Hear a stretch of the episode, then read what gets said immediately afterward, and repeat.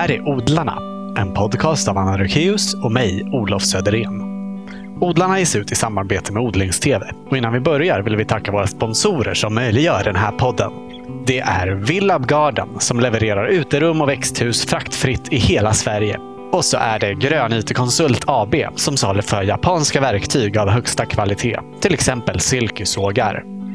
Detta avsnitt sponsras också av Yard ETC som tillverkar sköna produkter för oss trädgårdsnördar med jordiga händer. Till exempel tvålar, skrubbar och smörjor av naturliga råvaror med fantastiska dofter. Du hittar allt i webbshoppen yardetc.com. Och en av personerna bakom det märket är förresten Tina Råman som skrivit den fantastiska boken Gödsel och som tidigare även medverkat här i Odlarna. Yardetc.com alltså. Ja. Stort tack till alla våra tre sponsorer.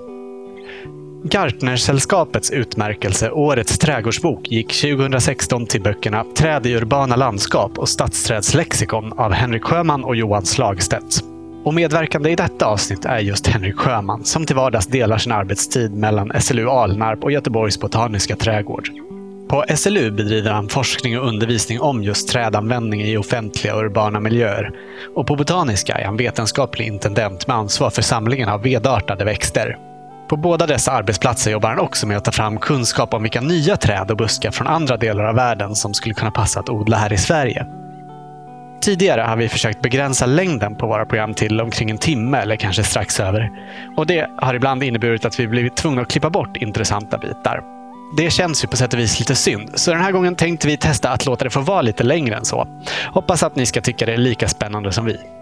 Ni är alltid välkomna att höra av er med synpunkter, både när det gäller avsnittens längd och andra saker. Intervjun är inspelad den 24 april i biblioteket på Göteborgs Botaniska. Varsågoda, Henrik Sjöman. Vill du berätta om några av träden i ditt liv? Ja, men det finns en ögonblick i, i livet där man undrar, liksom, eller där man, det blir nästan något religiöst. Och Ett sånt är en plats i, i Kina. För när jag började på Alnarp som eh, assistent där så fick jag det här roliga uppdraget att åka till Kina och vara assistent åt eh, seniora forskarna. Mm. Och Det är jättelyxigt. här. Men då, då, finns det en skog som jag sen åkte tillbaka till när jag gjorde min doktorsavhandling. Det är alltså en, en kopparbjörkskog. En björk som har kopparfärgade stammar. Och eh, I den här skogen så finns det individer av tallar och just det här mötet med de här kopparfärgade stammarna och de här mörka individerna, just kontrasten gör att de här kopparstammarna kommer fram ännu mer. Och där vill man gärna sitta på kvällen, för då kommer ljuset under trädkronorna och då brinner hela skogen, de här orangea stammarna. Och sen marken var täckt med bambu och pioner i rosa. Wow. Så där sitter man liksom och hör på fågelkvitter, kvällsljuset och den här äh, stammarna som brinner då är livet väldigt, väldigt gott. Aha. Så just den här kopparbjörken och det där ljuset, det är något av det absolut vackraste jag sett. Och det är naturen. Jag har varit i många parker och trädgårdar, men det är ingen som slår just den, den designen, just de här komponenterna. Och eh, när jag fick eh, förmånen att eh, visa Kina för min fru Johanna, då, så mm. då, då var jag tvungen att åka dit och sen sätta henne på den där stenen. Och, få henne att uppleva det där samma ögonblick också. För det är, det är något alldeles fantastiskt. Ja, det så det är man skulle kunna bygga in svensk park. För det mesta av det materialet som växte där är härdigt för oss. Så det, är, det är fullt möjligt. Så mm. det, den som är först ut vinner. Var i Kina är det här? Det här är centrala Kina. Det finns ett bergskedja som heter Qinglingbergen som ligger söder om Xi'an. Xi'an är känd för terrakottaarmén. Eh, men också där Sidenvägen hade sin början eller slut beroende på vilken riktning man hade där. Med de bergen. Och eh, de bergen har visat sig vara väldigt intressanta just ur ett skandinaviskt perspektiv för att de har ett klimat, en årstidsvariation som gör att vissa delar av eh, bergen där matchar väldigt, väldigt bra med svenska förhållanden. Mm. Hur kom du in på det här med träd? Alltså, grejen är att jag har ju alltid haft en nära kontakt till naturen. Ja, vi, bo, vi bott i en liten lägenhet i, i sån här betongområde, sån här miljonprojektområde. Men vi bodde i sista huset längst ner och där utanför så var det en stor skog. Där du växte upp? Ja, där jag växte upp. I Arboga? I Arboga, stämmer bra, i Västmanland. Där. Mm. Och, eh, där, jag hade alltid utsikt mot skogen. Vi lekte i skogen. Vi bodde trångt så att när vi skulle leka så ut, vi får leka ute. Så det var mycket man lekte i skogen. Tidigt så var det största intresset var fiske. Så det var ju liksom naturen och, och då kommer man ju rätt så snabbt eh, får en relation till träd. Så det är nog där det kommer ifrån faktiskt. Så det har liksom smugit sig på. Och sen är det ju liksom när man, eh, jag behövde, jag behövde ju pengar, jag behövde stålar till mitt fiskeintresse. Och då var den på gården där som jag jobbade på en handelsträdgård, så då tjatade jag till mig ett jobb där. Så att då började man ju liksom jobba där och så var det liksom ett intresse kring det. Då var det nog inte en speciell växtgrupp jag var intresserad av. Eh, utan då på jularna var det kul att göra julgrupperna. På våren då var det sommarblod när man skolade. Men sen eh, gick jag ett trädgårdsgymnasium i Örebro. Det, det, var ju liksom det här med trädgård var kul. Så började jag jobba på en handelsträdgård i Köping som bara ligger två mil från Arboga. Där. Och då var det, det var några som jobbade med perennerna, några som jobbade med rosorna, någon som jobbade med klängväxterna. Och då kom jag tvåa, då fick inte jag ta det. Då. Så då får man ta de här buskarna och träden och fruktträden. Och, och då skulle jag ju vara mer säljare. Och då var det ju att man måste vara tvungen att läsa in sig lite mer kring de här träden. Namnen och säsongskvaliteterna. Och vilka som blommade då och vilka färger de hade. Och vilka som fick fräcka höstfärger. Och där tror jag liksom det, det mognade fram ett rätt så rejält intresse. För att så är det ju, ju mer man läser, ju mer kan, börjar, lär man sig. Och, och och sen är jag väl lagd åt det här hållet, liksom, att man vill lära sig mer och mer och glänsa lite kanske när någon kommer liksom, och ska fråga. Mm. Och Då vill man liksom dra till med några lite detaljkunskaper, vad vet jag. Men det, det är så, jag tror det är så det, det sakta smyger sig på. Så det var lite av en slump att det blev just träd? Ja, det, det är en del slump faktiskt. Absolut. Kunde varit annat.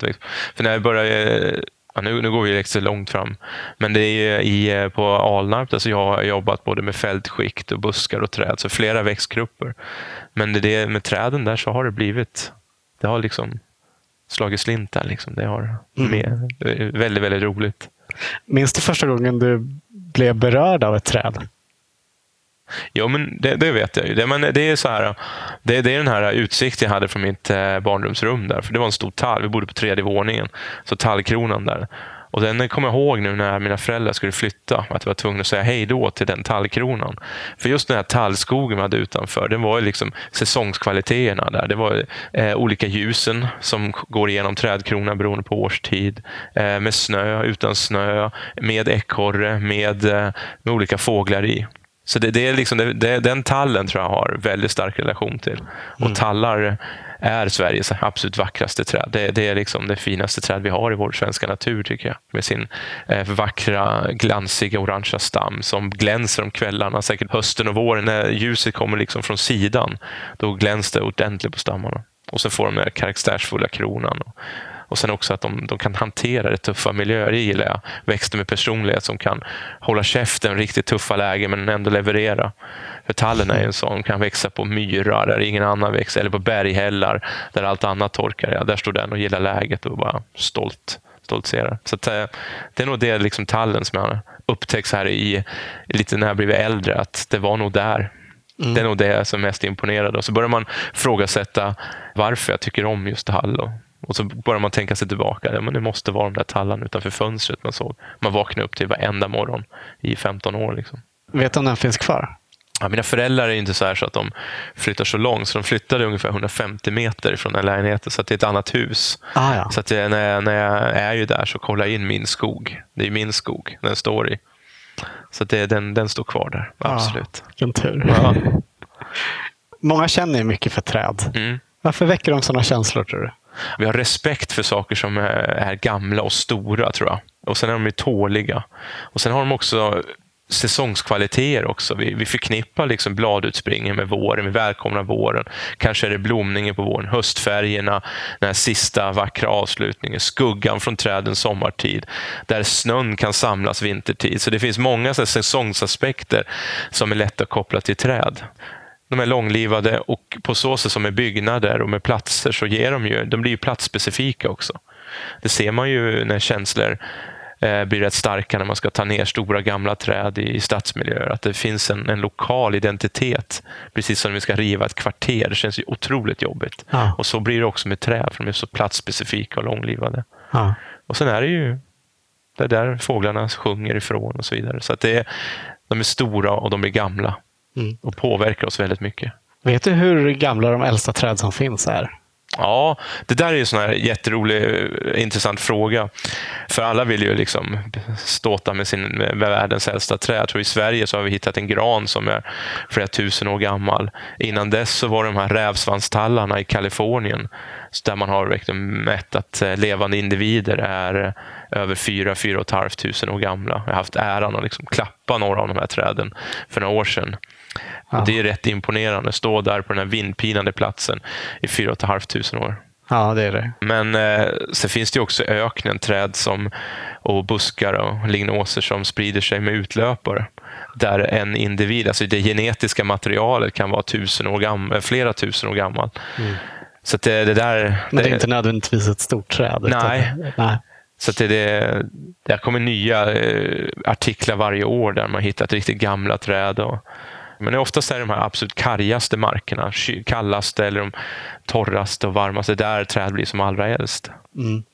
När man är och besöker de här vridna trädskeletten, är liksom, det lever lite grann i, i spetsarna där, så blir man otroligt respektfull där och nästan bugar när man kommer dit och frågar om lov verkligen om man får komma och, och besöka och ta ett kort på dem. och så där. För de, de växer väldigt, väldigt högt på några pinade bergstoppar där i Klippiabergen och i Sierra Nevada-bergen. Det tar flera dagar att ta sig dit nästan för att hitta dem. Så det är bara den resan gör det värt, liksom, tycker jag. Ja. Är det en sån plats som många åker till just för att se de här träden? Eller är det just du som är ja, har det här specialintresset? Ja, men både och. Ja, Alltså jag rör mig i en väldigt sjuk krets människor. Så vi vallfärdar ju dit. Liksom. Så man får ju känslan av att ja, men jo, det gör det nog. Men det kanske inte gör. Men det, det är så här, de har, de har skri, det har skrivits rätt mycket om dem. National Geographic har gjort flera eh, artiklar om dem de senaste, ja, det senaste decenniet till exempel. Och Sådana saker gör ju att det blir ett allmänt intresse. Mm. Och Det är också bra. För då, får vi, då ökar vi den breda medvetenheten om de här ekosystemen som de växer i, som är väldigt, väldigt känsliga och utsatta. Speciellt från framtida klimat nu när klimatet förändras. Så det behövs. Sen får man ju se eh, om de klarar det slitaget. Men uppmärksamheten de har fått, det tror jag har spridit sig till en bredare allmänhet. Men för kanske 20-25 år sedan, då var det liksom en liten klutt av människor som tyckte det var värt det där besväret att klättra högt upp för att se dem. Mm. Den här granen i Sverige som du nämnde, ja. har den fått samma status? Nationellt, ja kanske. Den har varit med i nyheterna, men eh, internationellt som absolut inte kom upp i den klassen än i alla fall. Nej. Så vi får se. Mm. Det, det, gäller att skriva alltså, något bra program och kanske National Geographic måste göra något flashigt reportage om den. Så, ja. så kanske den också får vara med. ja. Har du sett den? Nej, det har jag inte gjort. Så jag vet inte sjutton om det är en sån här art som, eller en individ som de eh, har markerat ut vart exakt den är. Just för att de kanske ska skydda den mot en alltför intensiv besökstryck där. Mm. För det är uppe på fjällen i, i Dalarna där den ska stå och växa. Ja, det måste också finnas en risk att eh, ekosystemet blir förstört om ja, det kommer för mycket folk. Absolut, och det kan man ju se till exempel i västra USA, de här mammutträden. Där världens största träd och där just den största individen i skogarna växer. Där får man ju stängsla in, men det går ju knappt för folk klättrar över för de vill ju bli fotograferade på det här stora vackra trädet. Ja. Men sen kanske det kan bli så att ja, men då är det där fokus är, på det trädet. Då får det ta mycket stryk. Medan de andra träden som är nästan lika stora, nästan lika gamla runt omkring får ett mindre slitage. Men det är också viktigt att man får dokumentera sig med den här stora träden så att man sprider det här, vilka fantastiska träd det finns i världen. Så det är liksom sån både och-känsla man har där, att man måste skydda dem. Men samtidigt så är det jätteviktigt nu att ut på sociala medier och kolla vilka häftiga träd. För det skapar också ett... Det kanske är enda anledningen folk åker i naturen, men vi ser de här stora träden. Och det är kanske då liksom, tänker att man kanske startar någon medvetenhet och vi börjar tänka miljövänligt och tänka att det här med naturen är viktigt att vårda. Vi måste tänka till och så vidare. Ja. Så det, jag tror det är viktigt med publicitet med, kring de här växterna som är väldigt unika.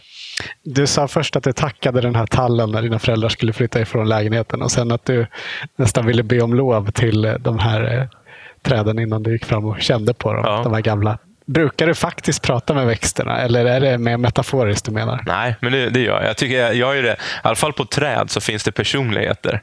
Det här är sådana grejer man kan diskutera med andra. Jag har några kollegor som också är lite lagda åt det hållet. Där med vad, vad, Man, personifierar vissa träd, både arter men också individer av träd. Att jag kan tycka att det där, det är en man som är 22 år gammal och du vet sådana här saker. Så att, ja, det gör jag faktiskt. Jag tycker att eh, det finns individer som är väldigt personliga som jag nästan kan liksom skapa någon typ av identitet kring och prata om. Så det händer ju när man har växtvandringar, både här på Botaniska men också i Alnarp där jag jobbar, där att man berättar historier kring dem som man hittar på. Men det är liksom historier, en relation, vad jag tycker det här trädet representerar. Det här är en rik person som lever på ett sätt som väldigt slösaktigt. En, som alen till exempel, den, den har inga höstfärger för den är kvävefixerad. Den kastar bladen gröna. Den behöver inte ta in den här kvävet som finns i bladen. Det är väldigt så här, lyxigt att kunna ha den lyxen medan alla andra träd försöker suga i sig all energi. Och, så därför tycker jag att liksom, alar är väldigt glassiga träd. De är, de är lite, vad heter det när man, man häller ut champagne? Liksom, att ah, vaskar. Vaskar liksom så här att man, nej jag behöver inte det. Jag, vaskar sitt kväve. Ja visst, pff, kastar iväg det. Och de med örterna som växer under är jätteglada för det kvävetillskottet de får. Och, och då blir de så här, den där alen är ju alldeles fantastisk. Gud vad han bjuder oss på det här fina. Medan eken är borta, bara försurar marken med sina torra löv. Liksom. Ja. Inte lika Så det är, det är sådana där grejer. Liksom. Och sen också när man åker ut i naturen och studerar växter lite mer grundligt. När man förstår vilka enormt smarta strategier de har utvecklat för att hantera. Vi har jobbat mycket i Rumänien ute på steppen och verkligen fördjupat oss i varför de här växterna kan växa här. Vad är det för, för egenskaper de har för att hantera den här riktigt varma, tuffa miljön? Och Det blir man också oerhört ödmjuk men imponerad av. De har olika typer av verktyg och genom att kombinera de här verktygen så kan de hantera de här riktigt tuffa miljöerna men ändå utvecklas i stora, vackra träd. Och Det är också så att man, oh, vilka smarta träd. Och man blir så ödmjuk att tänk, det hade, det, liksom, det hade jag aldrig kommit på. att att man ska, kan göra på det här sättet och det här sättet. Nej. Så det är också så en grej som man skapar en personlighet i växter, att man blir lite imponerad av dem. Mm. Men du började i den här handelsträdgården när du var nio. Ja. Eh, hade du någon relation till odling och trädgård innan det? Ja, det hade jag. Vi hade en kolonilott utanför Arboga. Och eh, där odlade eh, mamma då, eh, grönsaker och potatis. Och, och så så det, det fanns en odling i familjen där, säkert från hennes sida. Och när hon var ung så jag, var hon aktiv i 4H där och fick ah. pris för sina odlingar och så vidare. Så hon, är, hon är väldigt, väldigt duktig på det. Mm. Så vi var, det var ju vår sommarstuga, att befinna oss där ute på kolonistugan och vattna och rensa lite, även kanske inte gjorde så mycket. Men det, det fanns ju en odling kring. Så jag har egentligen inte varit så intresserad av att odla grönt först nu när jag, när jag har köpt ett eget hus och vi har en liten köksträdgård och barnen börjar bli lite så intresserade av att hålla på med köksträdgården. Oj, men du sa innan att dina barn är väldigt små. Ja, det, är alltså, de redan det, intresserade? Det är så här, jag har ju två små tvillingar som är bara ett, så de är inte så, de äter ju bara jord. Liksom. Men däremot så har jag en bonuskille som är äldre. Aha. Och han, eh, han har fram tills idag fortfarande är rätt intresserad av köksträdgården. Att kunna mm. skörda solmogna jordgubbar eller dra upp en morot ur köksträdgården och skörda och äta nyplockade tidiga potatisar. Sådana saker. Så då känner man att det här är ju riktigt, riktigt roligt att odla grönsaker också. Då börjar man förstå mammas passion där. Men annars har det varit med prydnadsväxter som jag har spånat in. Så jag använder ju den här koloniträdgården och plantera lite perenner och lite grejer som jag såg i handelsträdgården där. Testade. Ja, du började liksom testa själv då? Ja, jo, men då, då fick man liksom testa lite och plantera i rabatten där. Mycket dog ju då, för att det var konstiga grejer. Men det lärde man sig då att ja, nu förstår jag varför inte den där stackars pionen kunde växa i den här styva leran och sådär. Och sen så blev du ju doktor i landskapsplanering. Ja. Var vägen dit helt rak? Nej, det var det inte. Eller så här, det är ju tillfälligheter. Från att jag liksom jobbade på den här handelsträdgården och sen var det dags för gymnasiet, så var det trädgårdsgymnasium. Och direkt efter det så hade jag tur att det var ett nystartat eh, handelsträdgård i Köping där jag fick praktik under studierna. Och så fick jag jobb direkt efter där. Och det var ju någon typ av slutdestination där. För att jag, jag tilläts liksom att både rita trädgårdar och arbetsleda när vi anlade trädgårdar och jag kunde sälja och, och så vidare. Det var, jag var väldigt det var en väldigt komplett plats att jobba på. Man fick hålla på med så mycket, så det var väldigt, väldigt roligt. Och sen i samma veva så började mängder av kompisar också läsa på universitet. Och Och då tänkte jag men jag ska, jag ska också läsa ett par år på Alnarp på, på SLU då för att eh, bli lite bättre på det här. Så det var meningen att jag skulle bara ner, riva av två år, komma tillbaks lite grymmare och sen fortsätta där. Ja, men du blev kvar där? Så blev jag ju kvar där. Och det och läste till en kandidat och sen vart jag tillfrågad, för just då hade de fått forskningspengar och ett jätteroligt projekt. De skulle titta på kinesiska växter. Men de behövde någon som jobbade på försöksfälten och gjorde ordning de här försöksfälten och, och planterade och mätte och såna här saker. Och jag som hade jobbat som trädgårdsanläggare innan, så de kände väl till det, så då frågade de om jag ville jobba extra ett år. Då. Och det tyckte jag var jättekul, att få betalt och plugga samtidigt kändes det som. Och sen vart jag ju liksom ett år till och ett år till och ett år till. Och sen var jag tvungen att läsa en magister då för att om jag skulle bli kursansvarig för det. Man var ju involverad lite mer i undervisning. Och så. så det var liksom att det var bara, det bara ramla på när man väl kom in där. Och sen eh, det var det här med att doktorera. Mm. Det, var, det var ett jättekonstigt tillfälle där, för jag var på väg därifrån från Alnarp. Så jag fick ett jobberbjudande på ett annat håll där. Aha. Och då precis så fanns det pengar till en doktorandtjänst. Så då stod jag så här valet och kvalet om jag skulle gå ut i näringslivet och tjäna lite mer pengar än vad man gör i akademin. Men eh, samtidigt så är det rätt kul det här att liksom få nörda ner sig och studera och lära sig grejer fast få betalt för det. Så då satt jag och drack vin en hel kväll tillsammans med en vän från Köpenhamns universitet. Så då hittade vi på ett sånt där projekt, så här jättelarvigt projekt, att vi skulle bo i Kina ett år och studera växter i de kinesiska bergen och sen skulle vi bo ute i steppen i Moldavien och Rumänien och studera dem. Så vi tänkte ju att det här vore ju jättekul. Tänk att göra den här doktorandtjänsten. Så vi skickade in den bara för att om det blir ett ja, det blir ett tecken. Blir det ett ja så får vi köra här. Blir det ett nej, bra, då är det dags att, att dra härifrån. För då hade jag jobbat på Alnarp i fem, sex år. Sådär. Och eh, chefen då, han vet jag inte om ens läste det där pappret. Han bara, jättebra, kör igång. Så då hade jag liksom tre månader på mig liksom och och göra mig redo för att flytta till Kina ett helt år. Så jag ringde min mamma. Liksom. Wow. Ja, du, jag, jag flyttar till Kina om tre månader. Ska Aha. du ha något? Så det var så det började. Så det var en jätterolig doktorandstudie att åka till Kina, bo i Kina ett år och studera det. träden där och komma hem, samla ihop datan, publicera, sen åka till Rumänien och Moldavien och göra likadant. Så, att, um, så vart det. Och sen när det var klart så hamnade du i USA en sväng också? Ja, och så fick jag pengar och göra en postdoc på Cornell University. Och alltihop var om träd. Ja, precis. Vi, hela, hela studien var att åka ut i naturen och försöka hitta typ Sergels torg eller Triangeln i Malmö. Försöka hitta urbana, problematiska växtmiljöer, hårdgjord stadsmiljö, där det är torra, varma växtförhållanden. Och sen mm. åka ut i naturen och försöka hitta de här. Var hittar vi Sergels torg i Kina? Var hittar vi Sergels torg i Europa? Aha, för gör... att hitta träd som ja, klarar det och där. Då liksom gör vi klimatmodellering. Sen lokaliserar vi områden i världen där de har en klimatförutsättningar som påminner om det. Och Sen åker vi dit och försöker hitta de här lokala platserna som verkligen är väldränerade, torra, kalla vintrar, torra, varma somrar. Och Då börjar vi liksom studera de växterna som växer, försöka lära oss varför växer de, vilka egenskaper har de som var framgångsrika här? För att på så sätt kan vi dels identifiera växter som vi inte använder idag, men skulle kunna vara potentiella träd för hårdgjorda miljöer. Men samtidigt så kan vi hitta växter som vi känner till, men vi kanske inte känner till att de var så här tåliga eller så här bra. Vilket gör att de skulle kunna få en bredare användning och också inkludera inte bara park och trädgårdsmiljöer utan också de här lite mer tuffare hårdgjorda miljöerna. Så den handlar om eh, att eh, lära från naturen.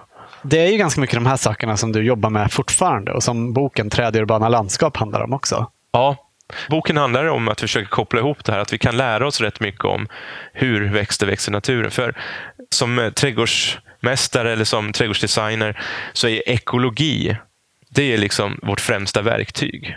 Men det har hortikulturen tyvärr tappat liksom på vägen fram tills det är vi idag. Men ekologi är ju förståelsen om växter. Varför de växer där de gör. Vad är det som gör dem framgångsrika här och inte där? Och Den förståelsen gör att vi kan förstå varför vi inte ska forcera in de här växterna i den här miljön. Eller varför de är användbara för den här platsen. Mm. Och Det är just den ekologiska förståelsen kring träd som fattas många gånger. Just det att vi forcerar in växter så det kostar jättemycket pengar men det också blir ju inte så vackert när växter står där i situationen. De har ingen aning om hur de ska hantera den här växtplatsen. Medan andra som växer i nästan liknande miljöer, de har eh, utrustning för att fixa det och då, då får det ett helt annat uttryck. Mm. Men det, det, går inte liksom att bara skriva alla på näsan. Liksom bara, fattar du inte det här? Utan man måste någonstans liksom hitta lite bevis, lite guidning och så vidare. Och då är en del att åka ut i naturen och försöka skapa någon typ av förståelse för materialet. Och Sen måste vi som forskare liksom göra ytterligare tester för att överbevisa ännu en gång och ännu en gång. Tillsammans har man varje sån här studie blir en tårtbit, men gör man fyra, fem såna här studier, då får man ju fram rätt så många tårtbitar och till sist kanske man kan övertyga plantskolorna att överge ett växtmaterial som kanske inte är så lämpligt och börja jobba med att odla de här sakerna. Och samtidigt som landskapsarkitekt eller trädgårdsdesigner kanske sluta använda de här i det här läget, utan använda de här istället. Därför att men just det, därför att det är det som jag, jag lägger väldigt mycket forskning kring. Ja. Så den här vindrickarkvällen känner du av än idag? Den, den utmynnar något väldigt ja, bra. Det gjorde, det gjorde ju det. Så vi, var, vi vart ju väldigt kreativa efter... Det var ju inte en flaska vin. Liksom. Så det var ju rätt många idéer där. Så när vi tittade på pappren, tror jag, dagen efter eller en vecka efter, där, så var det ju kanske fyra doktorsavhandlingar vi hittade. Mm. Och Sen liksom valde vi ut ett spår i alla de här anteckningarna. Där liksom, det här är ett spår som kanske är det mest intressanta eller också det mest behövda. Men sen fanns det också där bak det mest roliga. Ja. För det är också så här, jag, jag vill göra roliga grejer. Det ska vara kul och, och sitta på en bergstopp i Kina och titta på träd. Det är ju jätte, jättekul istället för att sitta på ett labb kanske mest av sin doktorandperiod. Mm. Så det var ju också så här, det ska, det ska, vara, kul. Det ska vara kul också. Mm. Var det Johan Slagstedt som du har skrivit böckerna ihop med? Som, som, dra, som vin också med. drack vin med? Nej, nej, det var det inte. Johan, Johan är inte forskaren. I vår relation så är det jag som är den här uh, teoretiska forskaren medan han är praktiken hos oss. Aha. För han har ett markföretag där han uh, ritar och bygger, framförallt offentliga miljöer. Så han är den som har testat mycket av grejerna. Medan eh, vindrickaren, det var Anders Bosse Nilsen som är professor i Köpenhamn nu. Då, då var han precis nyutexaminerad doktorand i Köpenhamn. Där. Okay. De här böckerna riktar sig främst till studenter och yrkesverksamma inom trädgård och landskapsplanering. Ja.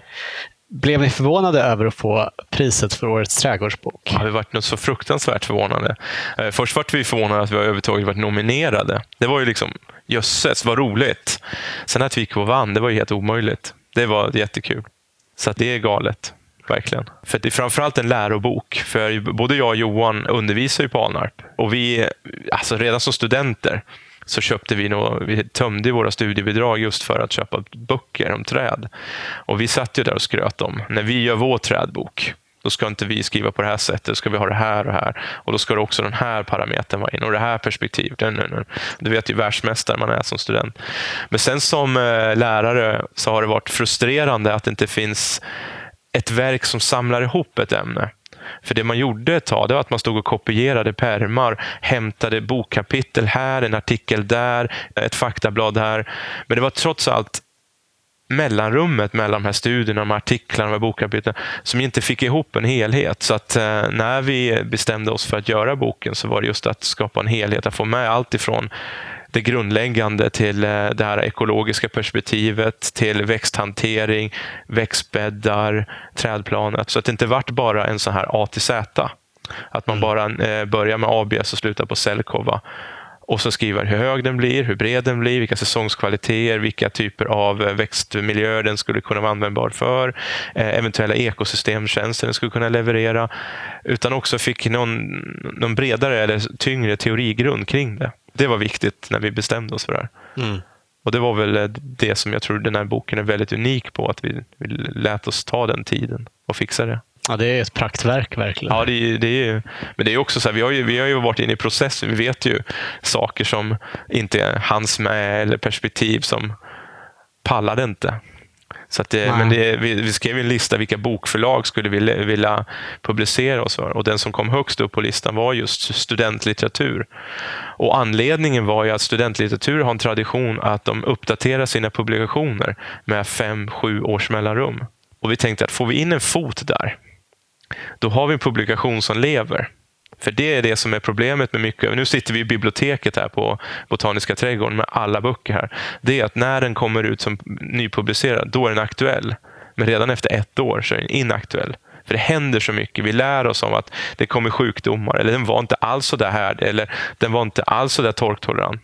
Och genom att få tillåtelse att få en publikation som var sjunde år uppdateras med nya kunskapsrön, kanske ett nytt perspektiv på saker som vi inte visste om då, och dra in nya forskarrön och uppdatera sådana. Det är ju liksom en fantastiskt tillfälle. Så det var, vi var jätteglada när studentlitteratur tyckte att det här vill vi faktiskt vara med på och publicera.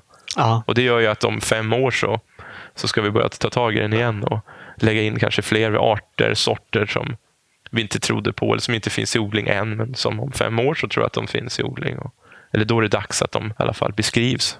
Jag säger boken hela tiden, men det är ju faktiskt två böcker egentligen. Ja, det, det är, så för oss är det, det här är en bok, men det är två volymer. Det var bara att sista kapitlet, den här där vi eh, ska ha växtbeskrivningen. Den Ja, råkar bli på Nu håller du 860. den som heter Statsträdslexikon. Precis, stadsrättslexikon. Den råkar bli, vad blev den, 860 sidor.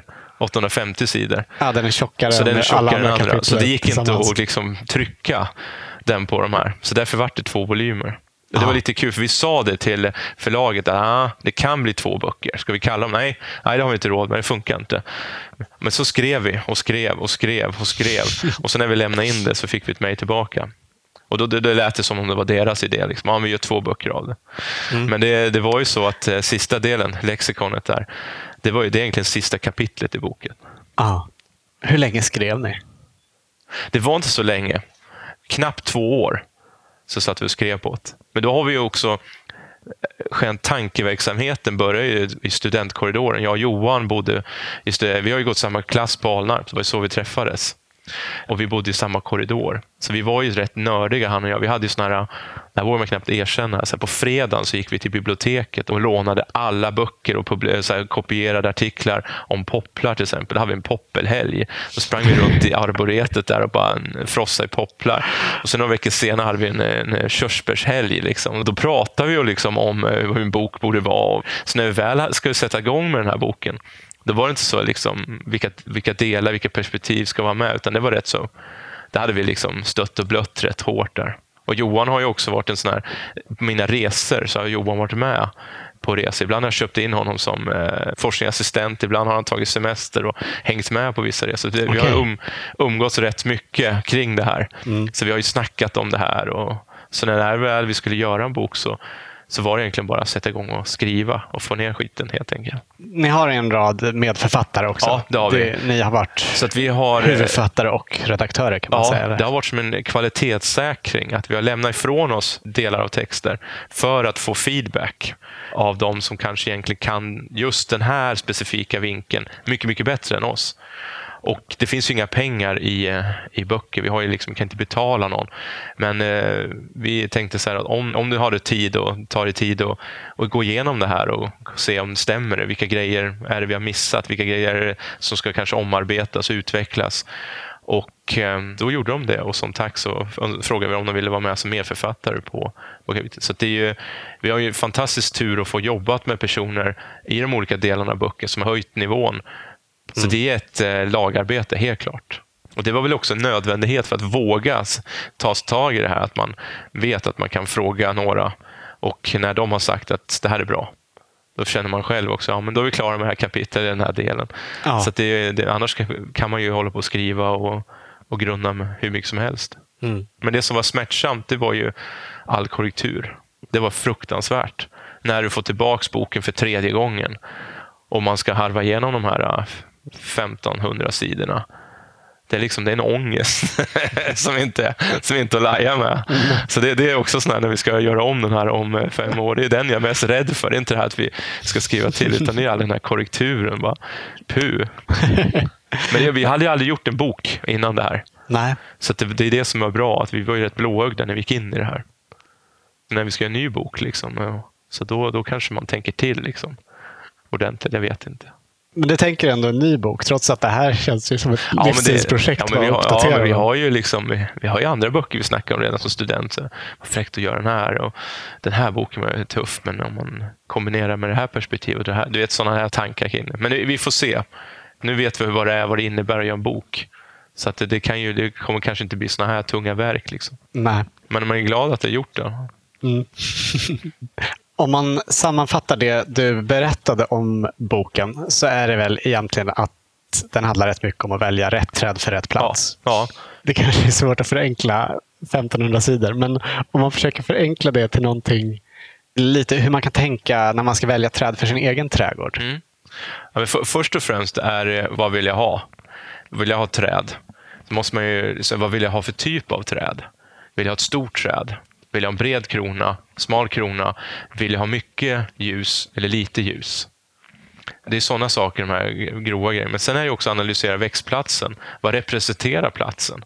Inte bara kolla i marken, ja den är fuktig, hållande jord, utan är den vindutsatt? Hur mycket ljus finns det? Och sådana saker. Och sen utifrån det skapa någon typ av underlag för vad måste trädet kunna hantera för att växa här och bli framgångsrik? För för mig handlar det inte bara om att växterna ska kunna överleva, utan de ska leverera också. Och då är det viktigt att tänka på vad ett körsbärsträd, varför planterar körsbärsträd? Jo, det är ju för dess överdådiga vårblomning. Men om inte trädet trivs, då kanske okay, den överlever, men den sätter inte så mycket blomknopp och, och, och blir inte det där vackra körsbäret. Då levererar det inte på platsen. Då överlever den bara. Så för mig är det jätteviktigt att, vi, att man analyserar platsen jättenoga och sen går, har, har växtmaterial kapaciteten att växa här? och inte bara växa utan också kunna leverera och utvecklas framgångsrik här. Och där har vi gjort liksom i boken rangordning. Vad ska du tänka på? Vilka aspekter ska de ha? Men i vilken ordning ska de här aspekterna börja komma? Där vi diskuterar just härdighet och friskhet, det är ju liksom, där, där börjar vi. Är de inte friska och härdiga, men då kommer de aldrig bli den där vackra körsbärsblomningen. Nej. Och sen också gå hela vägen ner. Man tänker på succession och skötsel och såna här saker, storlek och såna här grejer. Och sen nästan sist på den här stegen där så kommer de här estetiska kvaliteterna. Men det är också att funkar inte de andra grejerna så kommer inte den här blomningen eller de här vackra höstfärgerna och den här stora breda kronan med sitt härliga bladverk som ger den här fina behövliga beskuggningen på platsen. Då kommer inte det. Nej. Så det, det, det är kanske lite osexigt att prata om de här biologiska och tekniska frågorna innan de estetiska. Det är oftast där vi börjar med, vi tittar trädgårdsmagasin. Så, här, så är det också den här, hit ska jag. Men hur kom jag dit? Det är det som är det viktiga. Mm. Så boken tjänar, precis som du sa, det är en, den ska förhoppningsvis ge självförtroende och vägledning. Och sen den här lexikonet där, det är också det här med att vi, vi, vi begränsar oss rätt mycket till en väldigt liten andel växter som vi använder. Och framförallt där i urbana, alltså i offentliga miljöer, där är det tyvärr en väldigt snedvriden eh, trädanvändning. Att det är få arter som vi använder väldigt mycket. I Sverige så lider vi av liksom att det är skogslön, det är lind och sen är det inte så mycket mer. Alltså det finns ju städer i Sverige som är, vars eh, trädpopulation i offentliga miljöer består av hälften lind. Och Det är ju jättefarligt till exempel om Eh, Eh, linden drabbas av en sjukdom. Vi såg i Malmö till exempel almen. Eh, Malmö bestod om väldigt, väldigt mycket malm och sen kom almsjukan. Så det finns i stadsdelar, områden i Malmö som saknar stora kronbildade träd. När jag flyttade till Malmö för ja, 17 år sedan exakt, då, då var det stort och lummiga områden som idag är helt nakna och liksom små pinnar nyplanterade träd. Det kommer att ta decennier innan den lummigheten är tillbaka. Men hade man varit lite smart och blandat de här områdena med fler arter, fler släkten, ja, då hade inte den här effekten varit lika. Då hade det fortfarande varit en del helt stora, lummiga träd kvar. Och sen kunde vi liksom reparera de här förlusterna av alm och annat. Ja. Så det har varit en, viktig, en av de viktigaste delarna, att försöka lyfta fram de här, det alternativa växtmaterialet. Och Det handlar väldigt mycket om självförtroende. För det är också så här, du kan inte vara aggressiv mot trädgårdsdesigners och landskapsarkitekter. Att fattar ni inte, är ni dumma huvud? Så här. Det går ju inte. Utan jag förstår, tänk dig att du jobbar med ett projekt, centrala eh, Göteborg du vågar inte chansa här. Hela din karriär liksom kan gå åt skogen. Ja, men då kör jag på ett välbekant material som jag är trygg med. Och så vart det lind kanske igen. För mm. den är inte dålig, den fungerar bra. Men jag, jag, vågar inte ta den chansningen. Så jag förstår det. Och det handlar ju rätt mycket om att försöka skapa ett självförtroende. Att man ska kunna gå från det här välbekanta växtmaterialet till ett mer obekant. Och I plantskolorna så finns väldigt mycket av de här grejerna som vi lyfter fram i, i boken i odling. Vi åker årligen ner till Tyskland, Holland och tittar på plantskolor. Dels i undervisning, men ibland bara för skojs skull också. Mm. Och där ser vi liksom vilka pjäser som står i odling. Och som man blir överraskad eller blir frustrerad över. Varför, Varför använder vi inte de här för? För de är härdiga, de är friska, de har en tolerans som skulle göra dem mycket bättre, till exempel gatumiljön lind. Men det är just den här att vi måste börja våga. Har du några exempel på sådana? Ja, men det är som, till exempel, eh, vi bara byta ut lind mot en silverlind till exempel. Om man tittar på Linnégatan i Göteborg här så är det ju väldigt stora fina lindar. Men när det är riktigt varma sommarveckor där, då blir linden i den där, säkert parklinden, stressad av den här värmen. Och då blir den försvagad, och åker den på såna här larviga grejer som bladlöss. Och då med stora angrepp på bladlöss, då får vi honungsdagg som droppar ner från träden. Och tittar man på Linnégatan ser ut liksom på, så är det liksom svart och klibbigt och kletigt, den här honungsdaggen. Och då är det ju träd som inte bara överlever, utan den levererar inte. Just Nej. att man får den här konflikten. Men hade man tagit annat material, som en silverlind till exempel, som har den här behåringen på undersidan av bladen, som gör att den inte får bladlusangrepp, samtidigt som silverlinden växer ute i steppen i Rumänien, Moldavien, Bulgarien, som är betydligt mer värmetålig och också periodiskt mycket torktåligare. Då är det egentligen ett bättre alternativ. Vi kan få samma uttryck, men med ett material som är mer lämpat för just den växtplan. Det är bara ett exempel på mm. Eh, hur man kan tänka. Så det finns bättre, ibland bättre alternativ, men ibland finns det också minst lika bra alternativ som Lind. Just för att vi ska diversifiera staden lite grann. Har du några exempel på vanliga träd i trädgårdar som du tycker man borde byta ut mot någonting annat? Nej, men i trädgårdar är vi, är vi egentligen mycket bättre på att eh, använda ett större palett av, av växter. Man kan se att vi säljer mer och mer magnolier i privata trädgårdar långt upp i landet. Självförtroendet för magnolier har ökat. Prydnadsaplar, körsbärsträd, de här riktigt fina pjäser som fungerar väldigt, väldigt bra. Vilka skulle du säga är trädens viktigaste roller i våra städer? Jag är ju ingenjör i botten, så jag, är så här, jag kan ju bli väldigt tekniskt lagd och tänka på alla de här ekosystemtjänster som träd levererar. Och genom att diskutera ekosystemtjänster så plockar man egentligen in alla värden som den gröna miljön påverkar. Och träden är ju det växtmaterialet som kan hantera den mest komplexa situationen med ekosystemtjänster. Det är genom att de är stora, de kan påverka mycket och kan också leverera en, en kombination av flera ekosystemtjänster. Det kan alltifrån reducera vindar som gör att liksom det blir behagliga utomhusklimat. Att man faktiskt kan gå och eh, fönstershoppa där i, i november fast det, det, drar inte så förbannat för att man har varit skicklig och placera träd och trädplanteringar lite längre bort där som gör att man dämpar vinden.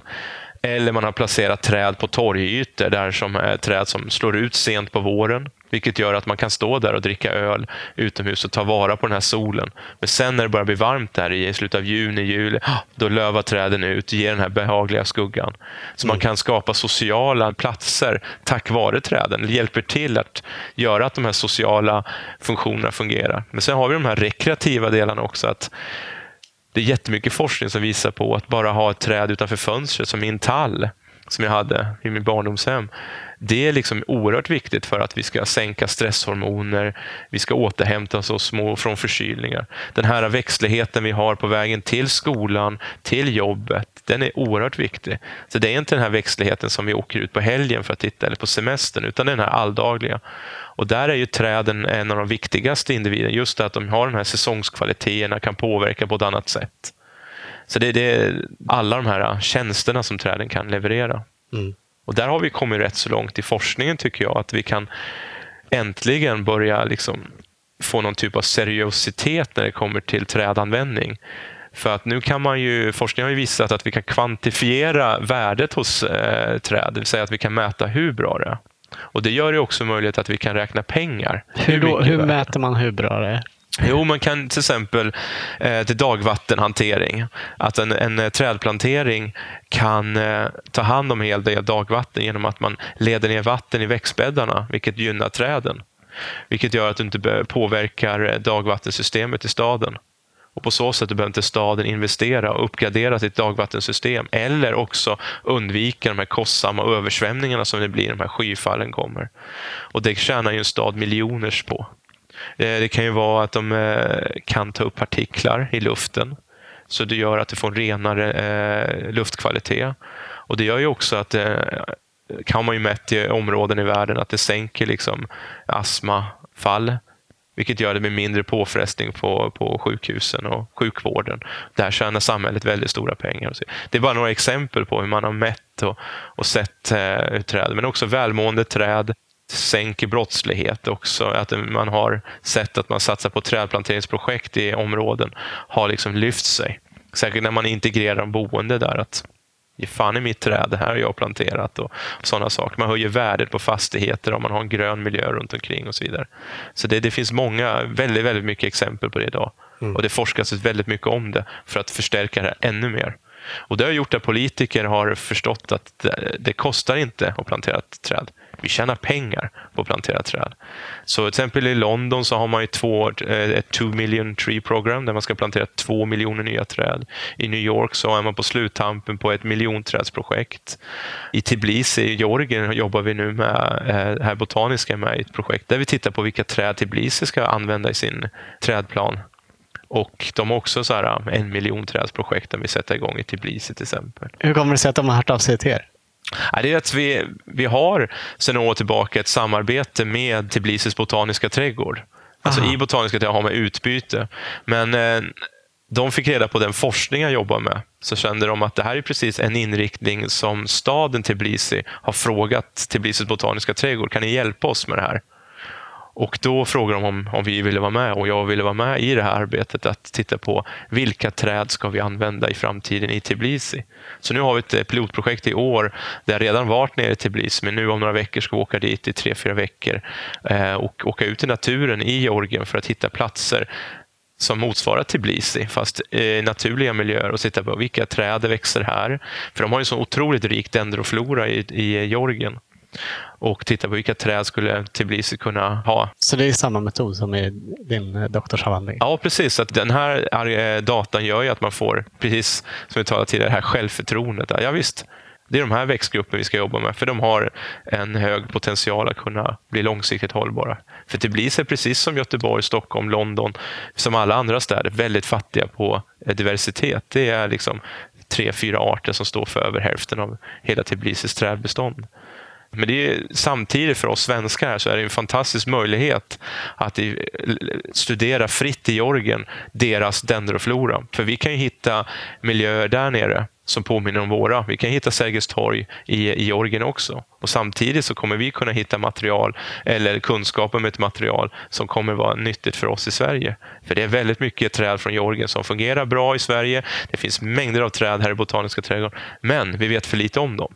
Ja. Skulle vi kunna öka kunskapsbasen kring dem och så skulle vi också öka självförtroendet att börja testa dem ute i Göteborg, Stockholm, Malmö, Värnamo, mm. you name it. Mm. Det här som du sa om eh, trädens värde i en stad. Mm. Skulle man kunna förenkla det så mycket så att man säger att ju fler träd det finns i en stad, desto mer välmående är den? Det, det skulle man kunna göra. För att en, en grön stad med mycket träd det är så mycket fördelar som kommer till att man har ett välmående stort trädbestånd. Sen finns det ju alltså negativa aspekter med trädplanteringar också. Att man kan plantera träd i lägen där de faktiskt inte gör nytta utan de faktiskt skapar negativa effekter. Vi pratade tidigare om den här uh, uteserveringen när man vill ha träd som skuggar på sommaren men släpper igenom mycket sol. Väljer fel träd som har en tät krona vintertid, då kastar den en lång kall skugga och då är det ingen som vill stå där ute. Eller Nej. på lekplatser till exempel. Där vill man inte ha en kall skugga. Eller på en busshållplats där jag ska stå och vänta på en buss. Så det gäller ju liksom när det kommer till trädanvändning att vi tänker till. Vi kan ju skapa fantastiska fördelar med att ha många och mycket träd i städerna. Men vi kan också lokalt skapa negativa aspekter. Det finns en annan aspekt som är väldigt allvarlig. Det är att man är för framgångsrik med att kanske reducera vinden genom att placera för mycket träd som stoppar vinden i staden. Och Då kan man skapa platser där vinden inte rör sig. Och är det en plats där man har mycket utsläpp till exempel av trafik, då kan man få en koncentration av partiklar på den platsen och skapa väldigt ohälsosamma förhållanden. Mm.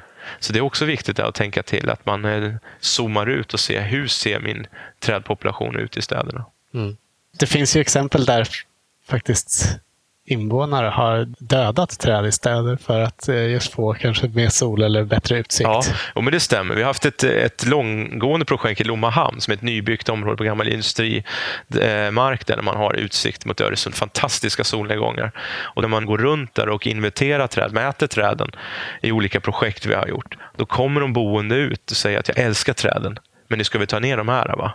För då råkar det vara precis framför deras balkong där. Så det är just det att man betalt 7 miljoner för den där lägenheten. Då ska mm. fan mig ha den där solnedgången också. Och då kanske man kan kommunicera att de här åtta träden ska stå därför att. Tänk er vad mycket vind de kan reducera. För Lommahamn blåser det mycket, kommer in där. Mm. Men placerar man dem i rätt läge, då kan man skapa drägliga utomhusklimat långt in i kvartersmarken. Men kommunicerar man inte att de åtta träden är riktigt viktiga, då kanske man ingen, ingen förstår det. Jag har sån här tro på att så länge vi kan förklara så tror jag att man, man kommer långt. Sen finns det alltid de som... Men jag, jag hoppas på att det, kan man förklara värdet med träden, vad de gör för nytta just där och där. Mm. Men visst, det, är en, det förekommer rätt mycket man ser mer och mer i media här, liksom att man hugger ner grannens träd där och tar hellre den böterna bara för att man fick den där timmen sol. Eller att man kör in giftplugg i träd som skuggar eller förstör en utsikt som man har velat haft. Mm. Det finns ju också en del kända fall där, där trädens vara eller icke vara har stått mot till exempel bostadsbyggande eller byggande av spårvägar som kanske ja. i sin tur kan reducera utsläpp av avgaser och så i städer. Skulle du alltid välja träden i sådana fall? Alltså det där är ju som från fall till fall. Du är inte en helt nitisk trädkramare? Nej, men alltså det, det gäller liksom att hitta, man kan ju lösa det på väldigt sofistikerade sätt idag. Det vill säga att ja, här under det här infrastrukturprojektet, här måste vi gräva upp Eh, Eh, för att lösa det här. Det är liksom för att staden ska bli bättre. Vi kanske blir mindre utsläpp och så vidare. Det blir med tiden en, en bättre stad. Men just nu så kanske de här fyra stora träden de står i vägen. Och där finns det ju liksom idag möjlighet att flytta träd. Till exempel här i Göteborg, men också i Lund, med spårvägen i Lund. Där har man ju liksom eh, förberett träd genom att dem, gjort att de skapade ett kompakt rotsystem och sen kanske två år efter det flyttat dem. Dels till en plats där de blir parkerade under byggprocessen och sen kommer man och flyttar tillbaka dem. Det är liksom tekniskt möjligt idag att göra sådana grejer. Hur stora träd kan man flytta? Man kan flytta riktigt stora träd. Det blir ju väldigt, väldigt dyrt. Men är det liksom ett stort träd eller två, tre som är väldigt betydelsefulla, då, då tycker jag att det kan vara värt att lägga dem. Man kan flytta ja, hur stora träd nästan som helst faktiskt. Det går. Ja, det är så. Ja, faktiskt. I, idag har vi den tekniken, maskinerna, kranbilarna. Men det handlar ju om en kunskap att kunna rotbeskära de träden så att de bygger upp ett mer kompakt rotsystem över tid. Så det gäller att vara ute i god tid. Så när man börjar med den här planeringsprocessen om nya vägen eller nya tunnelbanan och så vidare, då är det ju redan då ska man börja kolla på träden så att det kommer in tidigt, för då är det fullt möjligt att göra det. Eller så kan man ta de här träden, om det inte är möjligt att parkera dem, ja, men då kanske de kan berika en annan plats som saknar stora kronbildande träd. Så tar vi vara på de träden. Tänk vad fattiga det här området, nybyggda området är. Nu får ni liksom tio nya stora träd. Så det, det är fullt möjligt på så sätt. Ja. Men det är kostnadsfråga. Och sen tycker jag att ibland så är man lite väl snabb och sätter sågen i. Man skulle kunna faktiskt ha löst det på ett bättre sätt. Mm. Men sen är det en byggprocess är idag väldigt svår att skapa förhållanden för träden som att inte bli berörda av det. För man kör över rötterna och man skapar förhållanden som är väldigt, väldigt dåliga. Då kan det vara bättre att ha flyttat dem och sen stoppa tillbaka dem när det är klart. Det här med att flytta träd, görs det mycket? Jag vet här i Göteborg så har det varit en del eh, motsättningar kring träd som har stått i vägen för Västlänken som ska byggas. Massor. Man har redan börjat. Man har flyttat eh, många träd som inte ska bli parkerade utan hamnar i nya stadsdelsparker. Sen har man några gigantiska träd som ska flyttas troligtvis i år. Och det, det är lite jobbigt där för allmänheten har inte fattat. Men eh, vad sjutton, vi ska ju inte fälla utan vi ska faktiskt flytta dem. Det finns några stora almar som kommer fällas genom att det är onödigt att flytta en alm. För den kommer eh, kanske dö om eh, fyra, fem år ändå av almsjukan. Men det finns några bokar och sånt som ska, man lägger ner oerhörda resurser för att flytta. Man kommer till och med bygga en liten järnväg där man lyfter upp trädet på en liten vagn och sen låter man flytta den liksom 150 meter åt det hållet. Där. en särskild bana för en, att rulla en iväg särskild träd bana på. för just det träd som ska åkas. Men det är också så här politiskt. Det politiker är rädda för allmänhet. De sitter ju fyra år i stöten. Och de fyra åren måste man sköta sig om man vill ha, vill ha någon politisk karriär. Mm. Och träd. Mm, det har visat sig vara väldigt känsligt. att Det går inte bara att fälla. Du får inga brownie points som politiker då. Nej, så då helt visat- plötsligt finns det ekonomi att flytta träd. Mm. Politiker tycker att jag vill inte ha den fighten. Så då blev Lä- Västlänken kanske några miljoner dyrare. Även om det går på flera miljarder så vart det några miljoner dyrare för att trädflyttning. Så det har man ju fattat nu med TV-eken, hela den debatten. Eh, Linnégatan, men man skulle liksom fälla dem, men det, vart, det blåstes av. Så det är flera sådana exempel av strider där allmänheten, där man verkligen blir överraskad av jösses vad man känner mycket för träd, det visste vi inte. Nej, alla minns ju almarna i Kungsträdgården. Exakt, Almarna Kungsträdgården och i Lund så har vi en ny spårväg som ska gå från Brunn, från- till Brunnshög från stationen. Där har man ju på Clemenstorg lyft bort några av de här knuttamlade platanerna, flyttat dem. För det, det fanns inte på kartan att man skulle bara fälla dem, men Miljöpartiet där var så starka med att de skulle ha en spårvagn. Och det var enda sättet för att ta kurvan och du vet, hela den. Eh, Så det, det fanns ingen alternativ att eh, ta bort träd. Nej. Men där var det liksom att men då flyttar vi dem. Men de här träden som folk är arga för, det här verkar liksom inte ha gått fram då, att de egentligen ska flyttas och inte fällas. Men Kanske inte till den stora allmänheten, för det är fortfarande... Det kommer fram när, när, vi, när de har gjort olika typer av förarbete kring de här träden ska flyttas, så har eh, entreprenörer mötts av folk som kommer dit och är arga för att de tror att de ska döda träden, utan att förstå att de faktiskt är där för att rädda träden. De ska faktiskt flytta dem och ge, liksom, förlänga deras liv, fast på en annan plats. Och där har man eh, kanske inte totalt lyckats. Jag, jag, tror absolut att man försöker kommunicera det, men kanske inte nått ut i den omfattning som man, som man kanske skulle ha gjort där. Som Ja. intendent här så får, får man en telefonrådgivning. Och då var det någon som ringde hit att eh, det, nu, nu flyttar Göteborgs stad träd och det går väl inte. Det funkar väl inte? Jo, men det går jättebra. Och då hörde jag att det var inte det svaret han ville ha. Han ville ha någonting att bli ännu argare över. Och kunna skriva den där insändaren och starta ett Facebookgrupp eh, kring det. Facebookgrupp. Men det här med att flytta träd, har man kunnat göra det länge? Om man tänker till exempel på almarna i Kungsträdgården. Hade Ja. det gått att flytta dem om man nu skulle ha tunnelbaneuppgången där mitt i? Man skulle, man skulle kunna ha gjort det. Och det som är lite dumt här är att i Tyskland till exempel och i Holland och också till viss del i England, men framförallt i Tyskland, så har man hållit på och flyttat och möblerat träd under lång tid.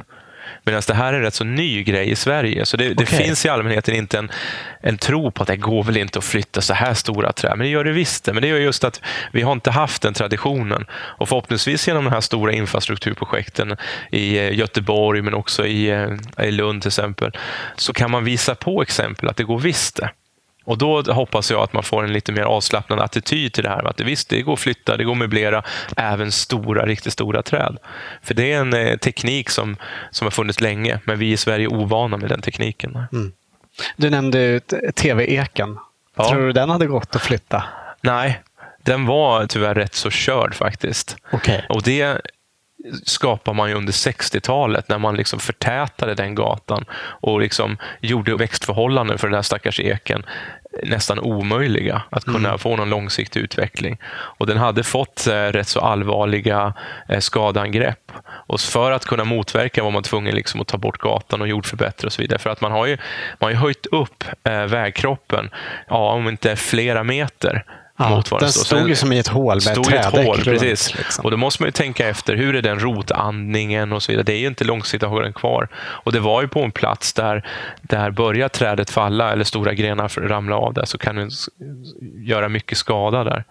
Men det, problemet var att man, eh, dödsdomen kom inte då. Dödsdomen var på 60-talet när man gjorde den här förtätningen där. Så protesterna där utanför TV-huset i Stockholm, de kom 50 år för sent. Ja, nästan alltså. Men det, de, de skulle ha skett där när man valde liksom att ha vad är det, två eller trefiliga vägar där nästan stod, stod i en bred mittrefug där. Man ser på gamla bilder att den, den stod, i, stod i en helt annan miljö.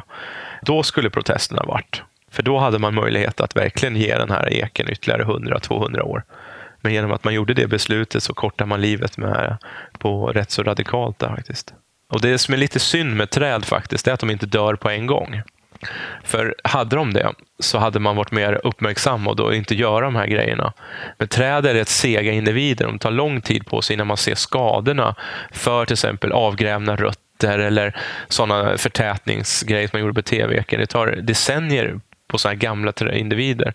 Och då har man svårt att koppla den handlingen mot varför den mår som den gör idag. Som till exempel med buskar eller perenner eller sommarblommor. Där ser man tidigt att man inte har vattnat. Då går man snabbt ut och vattnar. Eller man vet att man måste jordförbättra för annars förlorar man de här växterna. Men träd de tar längre tid på sig och visa att de mår dåligt eller till och med är döende. Mm. Har du varit med och kämpat för träd på det här sättet någon gång? Nej, inte, inte så här, liksom, eh, något projekt så här, men däremot så blir jag ju tillfrågad och liksom var, var, det här med vad betydelsen av träd. Så jag hoppas att dels genom den här diskussionen men också publikationer man gör, att man bidrar till en ökad förståelse men också en ökad vördnad för träd och trädplanteringar. Både de här befintliga träden som vi måste vara rädda om, men också de här kommande träden som ska bli nästa generations träd. Så jag liksom bidrar på olika sätt där, tror jag. Hoppas mm. i alla fall. Det kanske kommer ett sånt läge där jag blir riktigt sur, där man gör någonting som är Eh, men det, det är ju så här att i många storstäder så har man gjort toppkapningar på träd och, och gjort skador på träd före, innan jag var född till och med som vi idag får ta konsekvenserna av. Och Då har jag svårt liksom att kedja mig fast vid det. Men däremot tycker jag att kommunen kan göra så att ja, nu fäller vi en, ett stort riktigt träd, men vi kompenserar det med att plantera fem riktigt stora nya ekar. Vi ger dem möjlighet att fem nya träd skulle kunna få bli en ny generation tv-ekar så att säga. Finns det något träd som du skulle kedja fast dig för att rädda? Det ska ju vara min tall då, utanför mitt fönster där. Ja. Vilka är de största utmaningarna för träd i stadsmiljö? Det är utrymme, framförallt under mark. För det är ju så mycket intressen och konflikter som pågår under mark.